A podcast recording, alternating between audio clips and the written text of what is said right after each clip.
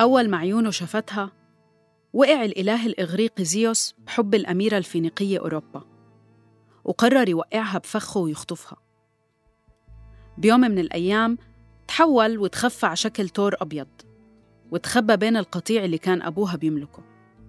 بهداك اليوم كانت أوروبا عم بتقطف زهور ولما لمحت هذا التور الأبيض مسدت على جلده وبعدين جربت تركب على ظهره.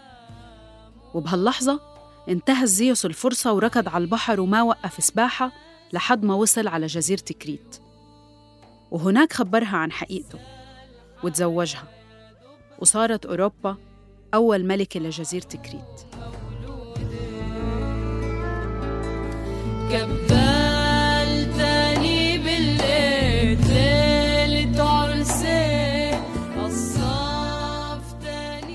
في ناس بترجح إنه فكرة الهروب لأجل الحب اللي بتتسمى ببعض البلدان الخطيفة راجعة لهاي الأسطورة الإغريقية.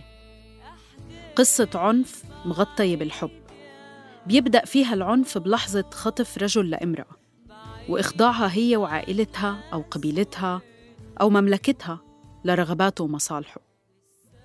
بس بعيداً عن هاي الأسطورة والقصص المشابهة من تاريخ وواقع النزاعات والحروب كل ما بسمع جملة تزوجوا خطيفة بيخطر عبالي مشهد درامي جداً.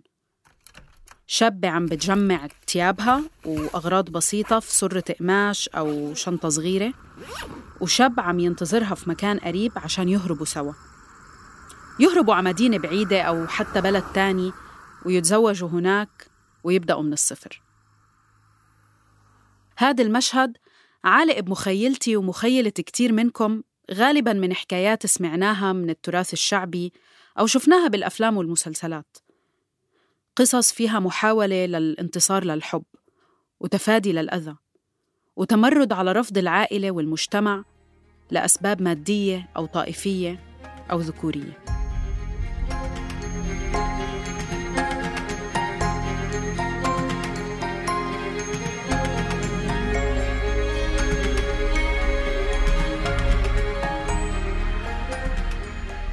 أخذوا بعض خطيفة.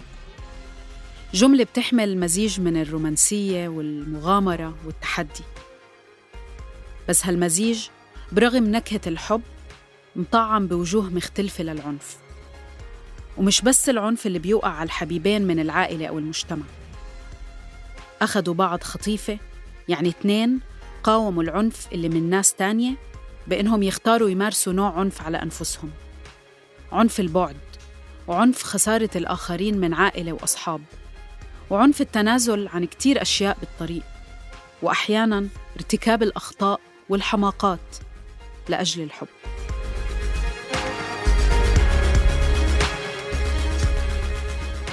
معكم فرح برقاوي وهاي هي الحلقة الثالثة من الموسم الرابع من بودكاست عيب من إنتاج صوت.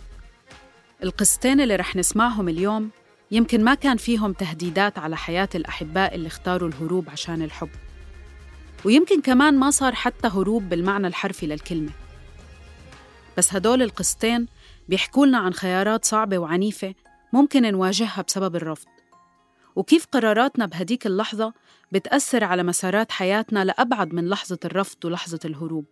وبغض النظر عن فشل أو نجاح هذا الحب.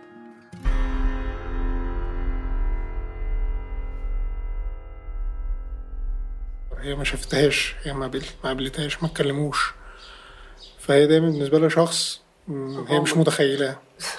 شخص هي عندها تصوراتها الذهنية عنه بس هي عمرها ما شافتها في الواقع عمرها ما اتعاملت معاه. مش هي اللي عملت كده أنا اللي كنت بعمل ده. يعني أنا اللي اخترت ده. أنا اللي كنت عايز أكمل في الموضوع ده. يحيى شخص هادئ جدا.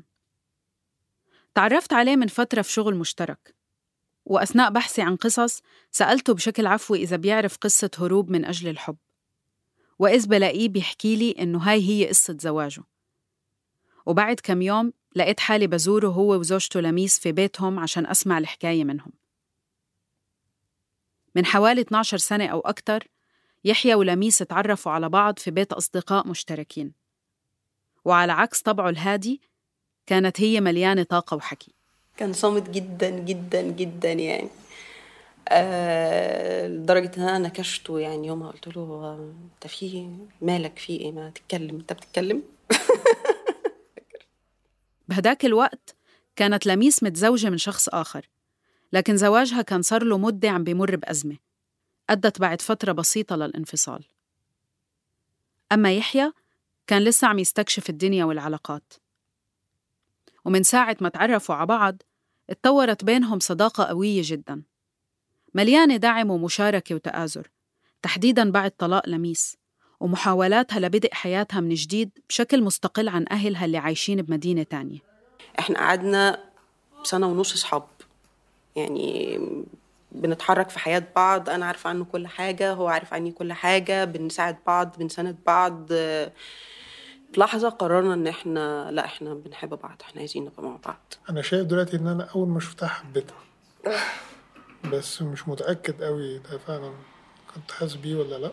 أنت قلت لي ده. بس هي كانت الدنيا ملخبطة خالص وأنا ما كنتش عايز أدخل في اللخبطة دي. أنا كنت عايز أسيبها آه، تخرج من العلاقة الطويلة اللي كانت فيها وتنسى ده وتجرب حاجات تانية بعد كده. لما تبقى في لحظة استقرار شوية عايزة تبتديها. أكون أنا موجود بس أنا مكنتش عايز أخش في الأول في وسط المعترك اللي هي كانت فيه ده. في عيد ميلادي ال 27 آه هو قال لي أنا هعتبر نفسي هديه عيد ميلادك. آه وده كان لطيف. جدا يعني.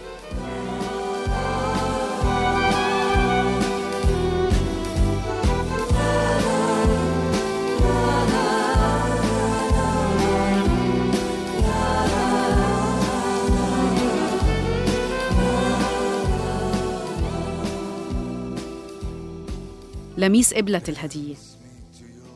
ولمدة سنة ونص تقريبا كانوا هي ويحيى ما بيفترقوا. بس كان نفسهم يعيشوا مع بعض ولهيك قرروا إنهم يتزوجوا. إحنا كنا بنقضي مثلا في اليوم عشر ساعات مع بعض أصلا يعني. يعني بنشوف بعض كل يوم وبنقعد مع بعض وقت طويل جدا. نخلص إحنا الاثنين شغل وزهقنا من فبنخرج. فكرة القعدة بره بالقهوة آه بالظبط. إحنا ما عدناش عايزين نقعد على القهوة. يعني إحنا تعبنا من القعدة على القهوة. عايزين نقعد مع الناس عايزين نقعد مع بعض عايزين يبقى لوحدنا. عندنا بيتنا يبقى عندنا حياتنا. فيلا نتجوز يعني نعمل ده يعني. لأن هو ده الأوبشن المتاح هنا برضه. إحنا لازم are gone. Let me feel you moving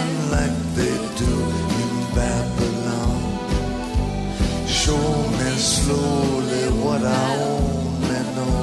The limits of, and love. كانت خطوة الزواج عبارة عن خطوة عملية. يعني في ظل مجتمعنا المحافظ اللي بيخلي خيار العيشة المشتركة بدون زواج قلق دائم وبأوقات كتير أصلاً خيار مستحيل كان لازم يتزوجوا. لكن هاي الخطوة العملية اللي بترضي عادة العائلات والمجتمع ما كانت كما هو متوقع بحالة يحيى ولميس. أهل يحيى وتحديداً أمه رفضوا الفكرة بشكل تام وبدون أي تفاوضات. بس ليش يا ترى؟ الحاجتين الأساسيين يعني ان هو آه، أنا أكبر منه ثلاث سنين وأنا كنت متجوزة قبل كده. بعد لقاء وحيد بين لميس وأخت يحيى وبرغم اعتقاد لميس إنه كان لقاء لطيف تفاجأت هي ويحيى بالانطباع التقليدي اللي نقلته الأخت للأم. وكأنها راحت تتعاين عروس بزواج صالونات. وتفاجأوا بموقف الأم الرافض تماماً لمواصفات العروس بدون حتى ما تسأل ابنها صاحب الشأن عن أي تفاصيل عن علاقته بالبنت اللي بيحبها. لحد هون كانوا يحيى ولميس بيعتقدوا إنه الموضوع مسألة عند بسيطة ورح تمرق. بس في يوم كانت لميس بشغلها وانصدمت لما استدعاها مديرها وحكى لها إنه في شخص إجا يسأل عليها وعلى سلوكياتها. اتجننت يعني حسيت إنه دي حاجة مهينة جدا يعني إنه ما ينفعش ده يحصل في مكان شغلي وهي يعني لو هي عايزة تيجي تقابلني أنا ما, ما عنديش مشكلة. يعني نقعد ونتقابل ونتكلم وتشوفني بس فكرة إنها تبعت تسأل حد عليا وعلى شكلي وعلى لبسي وبتصرف إزاي دي كانت حاجة سخيفة جدا. لميس مش بس حست بالإهانة لا يعني حست بعدم الأمان كمان لأنه شغلها بالنسبة إلها كان الشيء الوحيد اللي بيحافظ على استقلاليتها في القاهرة. وكان رد فعلها إنها طلبت من يحيى الانفصال. يعني ينفصلوا ولو لفترة حتى تقدر تشوف الأمور بشكل أوضح وتقرر إذا بدها العلاقة. راح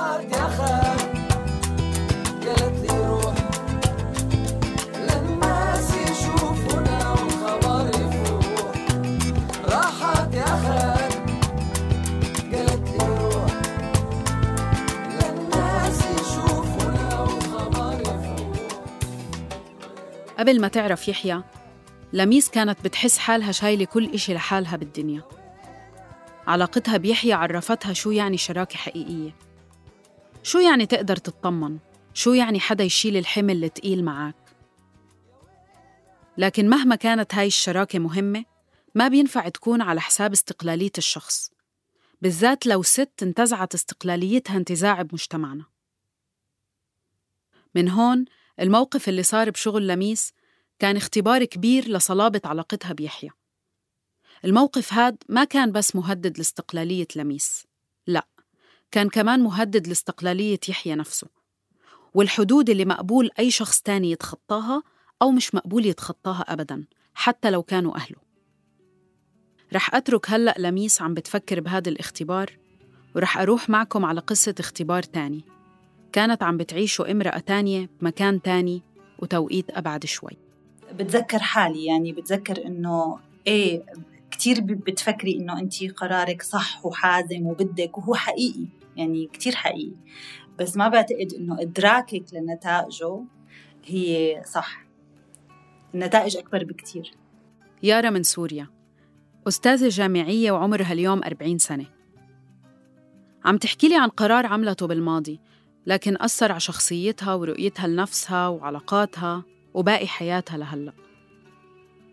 لحتى أحكي لكم القصة خلونا نرجع بحياة يارا لورا. لعمر كانت في 17 سنة عم تدرس بسنتها الجامعية الأولى بدمشق. كان عمري 17 سنة. أه، حبيت أستاذي بالجامعة.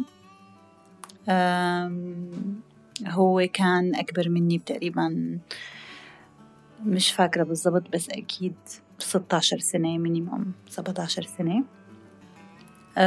يعني هو كان بالثلاثينات منتصف الثلاثينات.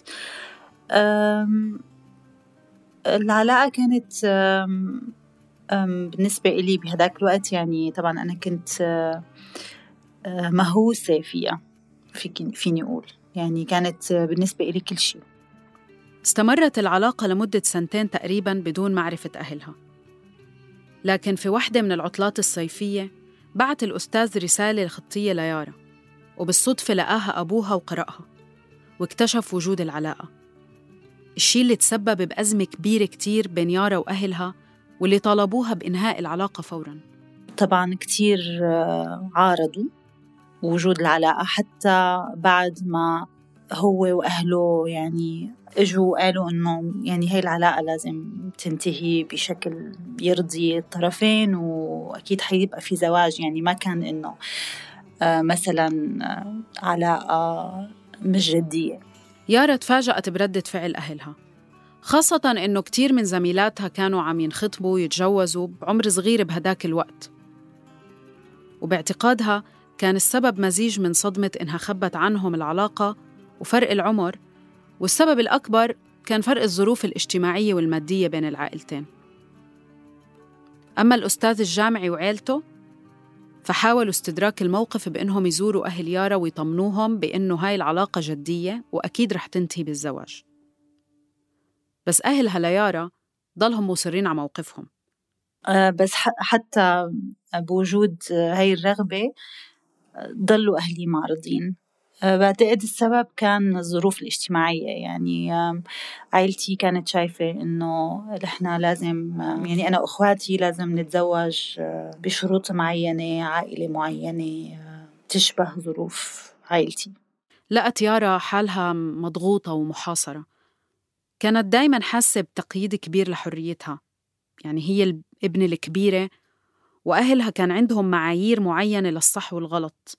وما بدهم إياها تغلط بأي شيء خاصة لإنها بنت. الوضع كان مربك جدا وما كان في مساحة للتفاوض ولا الأخذ والعطاء واحتدت الأمور بينها وبين أهلها.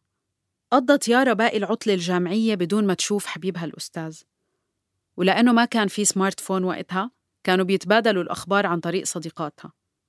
وأوقات حتى هذا الشيء ما كان متاح لأنه أهلها كانوا بيرفضوا يخلوها تشوف صحباتها أو حتى تحكي معهم بالتليفون. الأهل كان عندهم أمل إنه العلاقة تنتهي مع القطيعة وإنه يارا رح تنسى الموضوع. بس لما بدت الجامعة من جديد بدأت يارا تتحرك بحرية أعلى وبلشت تخطط لإنقاذ علاقتها. أنا كنت بهداك الوقت كتير شخص عاطفي كتير شخص منعزل كمان ما كنت كتير أحكي. وكنت بشوف هاي العلاقة كانت يعني جزء من بحثي عن استقلاليتي. لأول مرة أنا بعمل شيء كنت كتير مآمنة فيه وبدي إياه و... وكان كمان ال- الاعتراض أو المشكلة مع أهلي كانت أول مرة بتصل لهي الحدود يعني ل... بتتصاعد كتير. فأنا قررت إنه أهرب معه.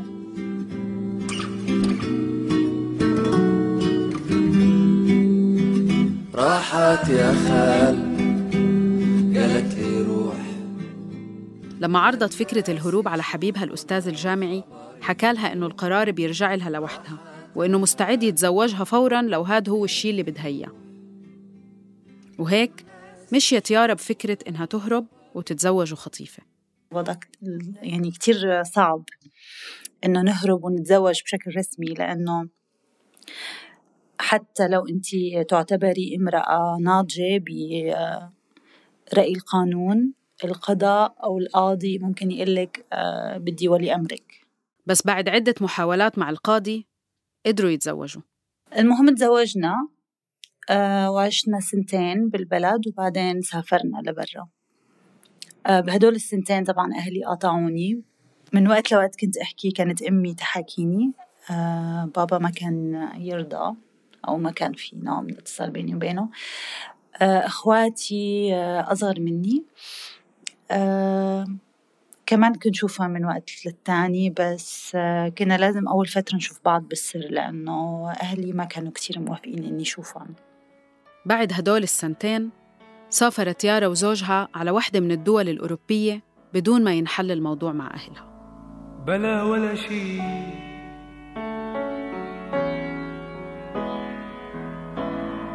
حبك بلا ولا شي ولا في بهالحب مصاري. رح أرجع لعند لميس اللي قاعدة بتفكر بعلاقتها بيحيى. بس الحقيقة هي ما لحقت تفكر كتير لأنه انفصالهم دام لمدة شهر واحد بس. وعلى عكس المشهد الدرامي اللي عالق بذهني من المسلسلات يحيى هو اللي جمع أغراضه وطلع من بيت أهله عشان يكون مع لميس. إن أنا اخترت كيس زبالة أسود فروحت لامم فيه هدومي كلها. ما خدتش حاجة تانية؟ هو خدت الهدوم بتاعتي في كيس الزبالة. الحاجة الوحيدة اللي كانت معايا ان أنا كان معايا عربية. فأخدت الكيس الزبالة الأسود ده وحطيته في في العربية وطلعت. وخلاص.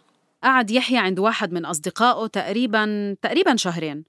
وبأثناء الشهرين كان بجهز هو ولميس للزواج. وكانت الخطوة الجاي هي إنهم يقنعوا أهلها للميس.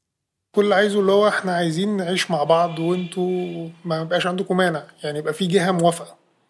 لميس خبرت أهلها إنه في واحد بتحبه وبحبها وإنهم بدهم يتجوزوا. وقالت لهم إنه في مشكلتين وهي إنه يحيى أصغر منها بثلاث سنين وإنه أهله معارضين الارتباط تماماً.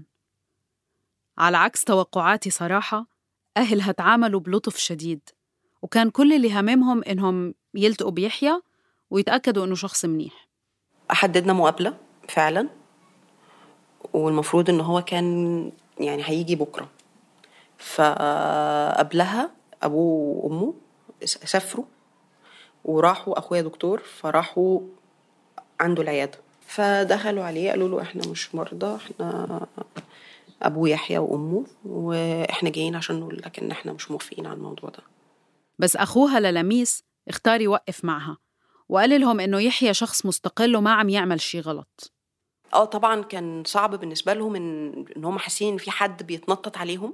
يعني بيقول لهم بنتكم فيها مشاكل وبنتكم مش مناسبين أو أنتوا مش في المستوى أو أنتوا مش بالعكس هم أخدوها تحدي إنه لأ يعني هي حرة تعمل اللي هي عايزاه وإجا تاني يوم ويحيى راح قابل عيلة لميس لوحده واتفقوا على الارتباط.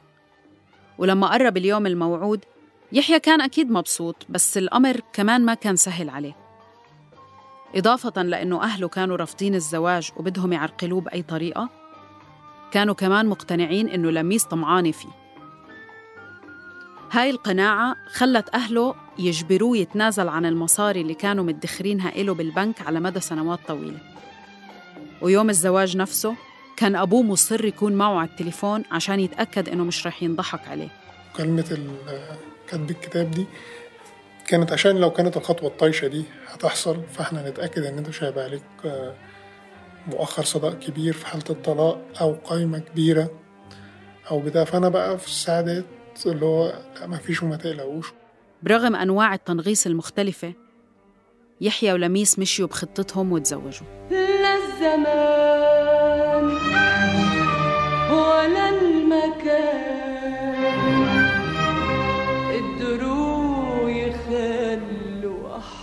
حبنا ده يبقى كان يبقى كان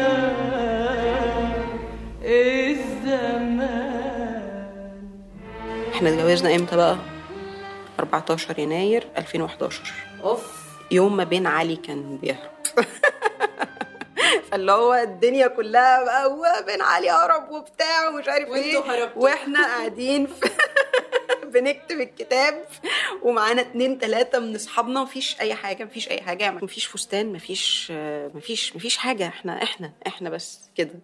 والدنيا يومها كانت بتمطر 24 ساعة متواصل في مطر. فكانت أجواء يعني غريبة وحماسية ويعني أنا كنت مبسوطة كنت مبسوطة جدا. وبنعمل كل حاجة بسرعة بسرعة بسرعة بسرعة اللي هو إيه يعني يلا يلا نلحق يلا نلحق بسرعة.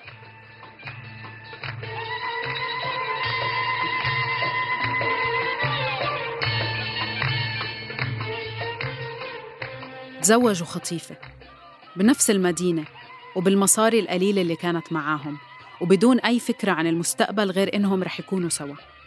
الضغط الوحيد ان هو إحنا كنا الاتنين يعني كانت فلوسنا قليلة بس ده كان الضغط الوحيد انما يعني مادياتنا ما كانتش آه، فظيعة بس بس فعلا آه، بعد مثلا 3 4 شهور لا بدأ يبقى فيه فلوس بدأ يبقى فيه شغل جديد بدأ يبقى فيه مش عارف إيه فبالعكس إحنا كنا طول الوقت بنحس إن الدنيا بتتحسن وده اللي خلانا بعد سنة نفكر في إنه إحنا طب نخلف. بعد سنة إجا ابنهم على الحياة. يوم ولادة ابننا ده كان أول مرة أبويا يشوف فيه مراتي. هي ممكن تحكي على اليوم ده. أنا بالنسبة لي كان أنا شفت واحد داخل يعني كأن في واحد دخل عمل لفة جوه ال- الأوضة وخرج. قال السلام عليكم. ودخل كان وشه أصفر وبترعش وكان متوتر جدا و... ومسك البيبي وكبر في ودنه وحضنه ومشي.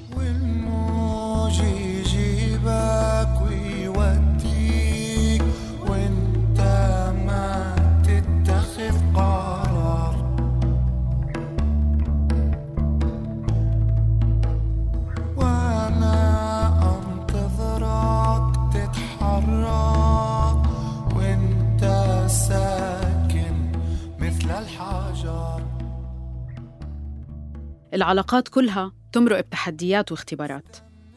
وتجاوز هاي الاختبارات بيرجع لعدة أشياء. أولها يمكن وعي الشركاء بالمشكلة أصلاً وخبرتهم بالتعامل معها ومع بعض.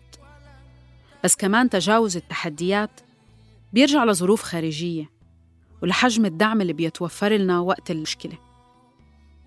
يمكن بحالة لميس ويحيى ورغم تخلي عائلة يحيى عنه ورغم تنازل يحيى عن المنافع المادية منهم كان في دعم كتير كبير تلقوه من الأصدقاء ومن أهل لميس. ما احتاجوا يمشوا من مدينتهم اللي بيعرفوها منيح. لكن بالنسبة ليارا الوضع كان كتير مختلف. على الرغم من اعتقادها إنها تجاوزت كل التحديات واختبارات قاسية بالعلاقة ونجحت بالهروب إلا إنها اصطدمت بأكبر تحدي ما كانت عاملة حسابه بالمرة. وهو الغربة. الغربة يعني وحدة يعني يعني حياتك من غير الناس أو المجتمع اللي أنت كنتي متعودة تعيشي فيه. فكتير هاد بيأثر على العلاقة لأنه فجأة ما في علاقة طبعا ما فيها مشاكل وصعوبات بس فجأة كل شي بيصير عليه تركيز أكتر. وهذا الشيء كتير أثر علينا. وعلي بشكل أكتر من على مدى سنتين من تحديات المسافة والغربة نمت مسافة كبيرة بين يارا وزوجها وصارت مشكلات العلاقة أوضح كتير قدام عيونها. ما قدرت أتجاوز المشاكل اللي كانت بيناتنا ما قدرت أغطي عليها ما قدرت أتعامل معها ولمته على هذا القرار. يعني حسيت إنه إنه أنا من وقت ما تعرفت عليه كانت القرارات اللي عم ناخدها بشكل مشترك أنضج مني أو أكبر مني. عرفتي ما كنت قدرانة. يعني فجأة صرت أحس إنه أنا عم بدفع أو عم بعيش حياة أنا ما كتير آه، أنا قررت إنه أكون جزء منها بس ما كنت مستوعبة أساسا شو هو هذا القرار عرفتي؟ عارفة. برغم إنه القرار كان قرار يارا ومشاعر الحب اللي حستها كانت حقيقية ومشروعة بس ما فينا نغمض عيوننا عن فرق العمر الكبير بينها وبين الشخص اللي اختارته. تحديداً وهي لسه بداية استكشافها للحياة. في علاقة سلطة مش متوازنة بين شخص مرق بتجارب وإدراكات وشخص لسه عم يختبر الأشياء لأول مرة. يعني تطور العلاقة من مرحلة لمرحلة تطورها كان بالنسبة إلي سريع. بس ممكن يكون بالنسبة له طبيعي. بس أنا لأنه هي أول علاقة كاملة جدية كان سريع. ما كان شايفني امرأة. كان شايفني طفلة. فكنت أحس إنه العلاقة بلشت تتحول لعلاقة أب وبنت أو في فيها خلل معين. في قرارات الوحدة ممكن تاخدها عشان ما تخسر شخص أو عشان العلاقة ما تنتهي. بس فجأة بتدرك إنه جزء من هاي القرارات كان تنازلات. يارا انتبهت على كم التنازلات اللي قدمتها. تركت بلدها وأهلها ورفقاتها تركت جامعتها وتوقفت عن الدراسة وصلت على بلد غريب مستقبل مجهول والناس من حولها عم تدرس وعم تشتغل وهي قاعدة بتستنى وراءها أو عم تستنى زوجها يزبط أموره. وشوي شوي استوعبت يارا عدم قدرتها على حرق مراحل حياتها أكثر من هيك. كل هاي كل هاي الأشياء خلتني أشوف إنه إنه أنا كتير اتخذت قرارات لهي العلاقة لحتى أكون معك بس أنا ما عاد أقدر أعطي أكتر. خلص يعني آه، بلش جسمي يرفض بلش نفسيتي بلشت ترفض تت تثور على هذا الحب. يارا كانت عم تتغير والعلاقة كانت عم تنهار وكان شبح الانفصال مخيم على الأجواء لمدة سنة كاملة ولقت يارا حالها من جديد مخنوقة ومحاصرة.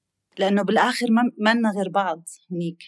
يعني أنت هذا الشخص هو كل شيء بذكرك بأنت مين وجاية من وين وشو عملتي. هو يعني جزء من تاريخك. هو الشيء الوحيد اللي عم يذكرك بمين أنت. الباقي كله غريب عليكي بس بنفس الوقت أنت منك قدرانة تخطي خطوة لقدام لأنه هو موجود. منك قدرانة تغيري شيء بس الغربة نفسها اللي وجعت يارا كبرتها أسرع. فتحت عيونها احتياجاتها وقدراتها هي وزادتها صلابة.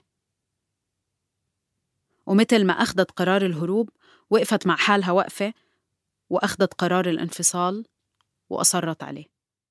بأولها كنت أحس إنه أنا أنا بحب هذا الشخص أكثر من حالي. بالآخر لا اخترت حالي. حبيت حالي أكثر يعني بعتقد إنه هو كان شايف إنه اتخاذ قرار الانفصال إنه كان اختيار أناني من طرفي. ويمكن إيه أناني. بس حبي لنفسي بهداك الوقت اختياري إنه أنا لازم أختار آه، حياتي وإنه ما عاد أقدر كمل بهذا الطريق كان أكبر من حبي له.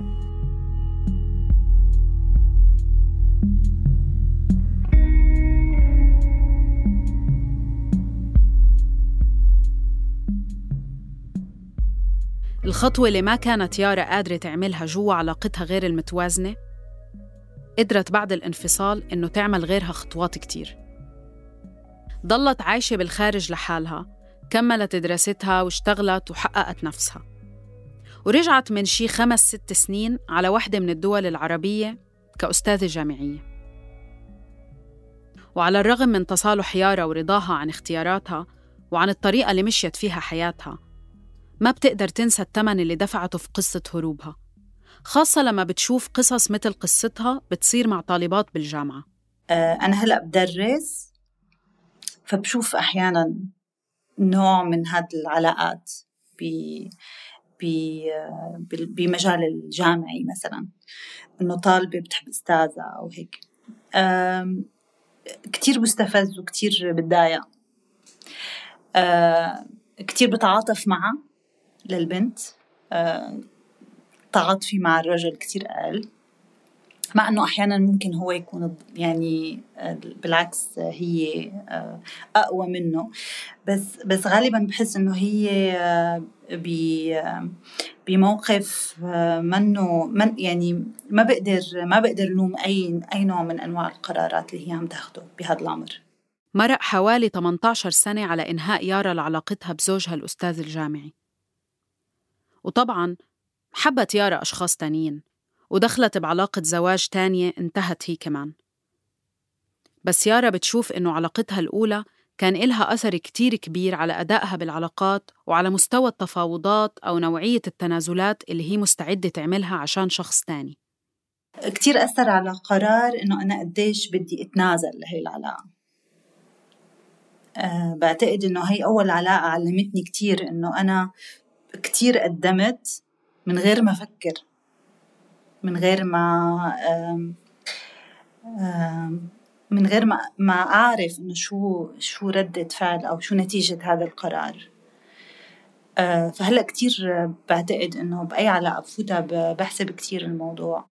تكرار يارا لفكرة التنازلات داخل العلاقات خلق عندي فضول أعرف لو هي بعمرها شعرت بالندم على هروبها عشان الحب وعلى الخسارات اللي تحملتها بسببه. تكتشفي بعدين كمان يعني ما بشوفه إنه صح وغلط بيستفزني إيه؟ بذكرني بشيء أنا مريت فيه وباشياء سلبية ارتدت علي من هاي العلاقة أكيد. بس بنفس الوقت بعرف إنه القرار اللي أنا اخذته بهديك الوقت إنه إنه اختار هاي العلاقة أو اترك أهلي هو كان جزء من بحثي عن استقلاليتي كشخص. مساحة إنه أنا آه، أقدر أتخذ قرار مهم بحياتي. آه، نوع من الثورة على آه، المجتمع أنا كنت عايشة فيه أو أو حالة اجتماعية أنا كنت عايشة فيها إنه قرار الزواج لازم يكون حسب قواعد مفروضة أو حسب آه، رأي شخص تاني. أنا بدي أحدد مين مع مين بدي أرتبط وكيف بدي أرتبط. حتى لو كان غلط. العلاقات مثل الحياة. ما إلها وصفة نجاح وحدة. العلاقات بتفشل والزواج بيفشل ومهما كان عنا رصيد خبرات أو نظرة لبعيد ما فينا نصادر تجربة شخص ونحكم عليها إما أبيض أو أسود. يارا بتشوف إنه حتى لو كان قرارها غلط بس مش معناته إنه نحن ما لازم بحياتنا ناخد أي قرارات غلط. وهيك بيكون ردها على أهلها.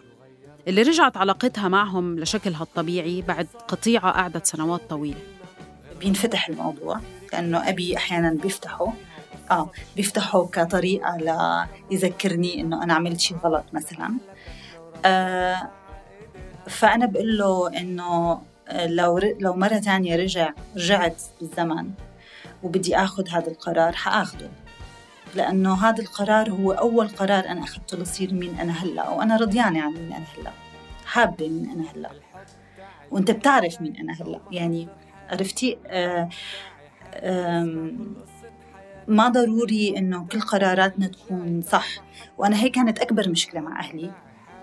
إنه أهلي كانوا دائما يحموني من آه، ارتكاب أغلاط. وبعتقد إنه كل الأهل هيك ما بدهم إياكي تغلطي بس أنا كان طول الوقت إنه لا أنا بدي يعني بدي أكون حرة بدي أغلط. يعني الغلط بيعلم. حلو حلو كتير. غلطات حلوة وشو بصير؟ إذا رضيت فيها ندمان عشو ندمان. والله أبسطتني أتعبت أهلكتني ربتني ع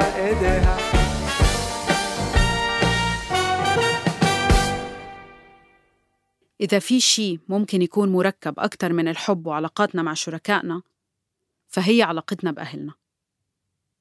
علاقة ممكن تتخللها فترات قرب وفترات بعد فترات تفاهم وفترات خلاف لكنها بتضلها حتى في أحسن صورها علاقة حب وسلطة معقدة. بنتبادل فيها السلطات بحسب الظروف والعمر والصحة بس بتترك بصماتها علينا. بتترك بصماتها على المنيح وعلى العاطل فينا.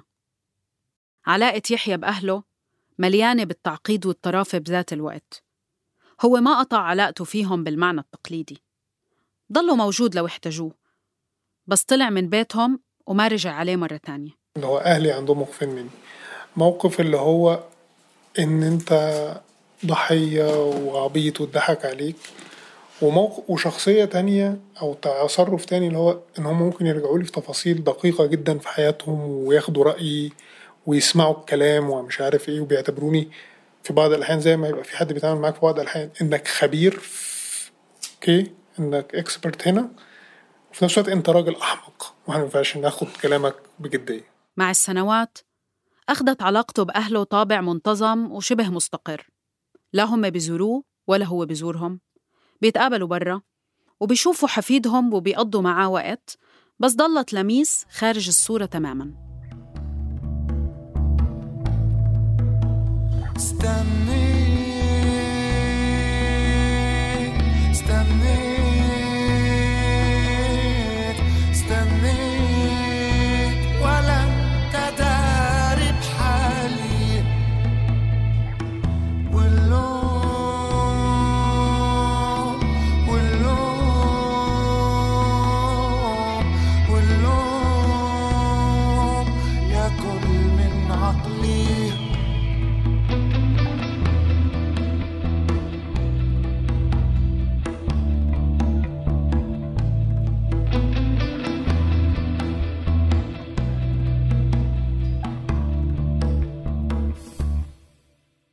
أنا حاولت أفهمهم ولغاية دلوقتي بحاول أفهمهم.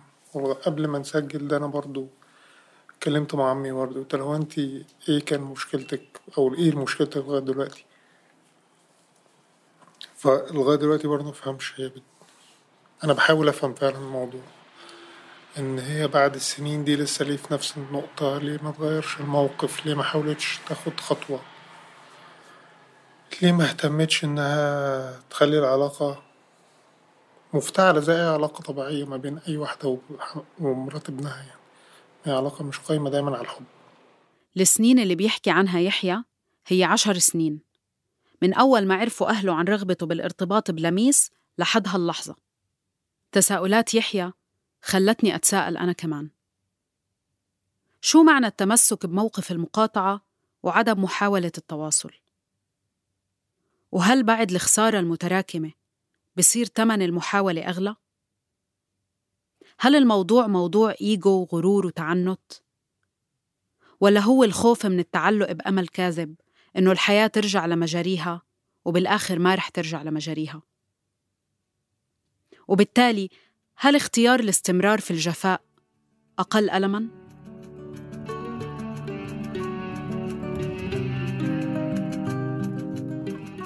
وبالآخر سألته ليحيى لو كان ندمان أو لو كان نفسه يغير أي شيء بكيف مشيت القصة يعني فعلا ما كانش عندي رغبة إن أنا أخوض معاهم صراع. ما كنتش أفضل أعمل ده. مش هقول لو كان بإيدي تاني إن أنا أعيد كل حاجة بس لو ده متاح كنت أتمنى ما يبقاش الموضوع صعب عليهم. يعني كنت أحاول أبقى أهدى شوية في التصرف معاهم. لكن ما كانش عندي رغبة في إن أنا أستقل بشكل مؤلم جدا بالنسبة لهم أو كده. لكن ساعات بتبقى الحاجات ما ينفعش تعمل غير كده. كان من الغباء إن الواحد يتصرف بمنطق يراعي حد تاني غيره. يعني ما ينفعش مثلا أراعي أهلي على حسابي. ده بالنسبة لي ده ضرره هيبقى أكبر. زي لما تبقى أنت تحب حاجة وأهلك مش موافقين فأنت هتحرم نفسك منها. ده مش مقنع بالنسبة لي. في ناس بتتنازل. أنا ما بعرفش أعمل ده. بت- بتقهرني هنا. أنت بتقول لي ما تعملش اللي أنت بتحبه عشان أنا أمك يعني أنا بحب فلانة. فأنت فأنا أراعيك لدرجة إن أنا أنساها. ليه؟ إحنا مبسوطين. إحنا الدنيا تمام. إحنا في النهاية مش لازم ده حصل إزاي وإحنا في إيه. هو الفكرة إحنا في إيه دلوقتي. ده بقى حصل إزاي؟ ده ورا. ده ورانا فعلا.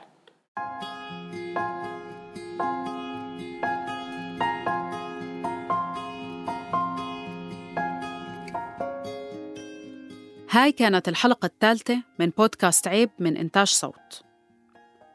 غيرنا أسماء الأشخاص بهالحلقة بناء على طلبهم.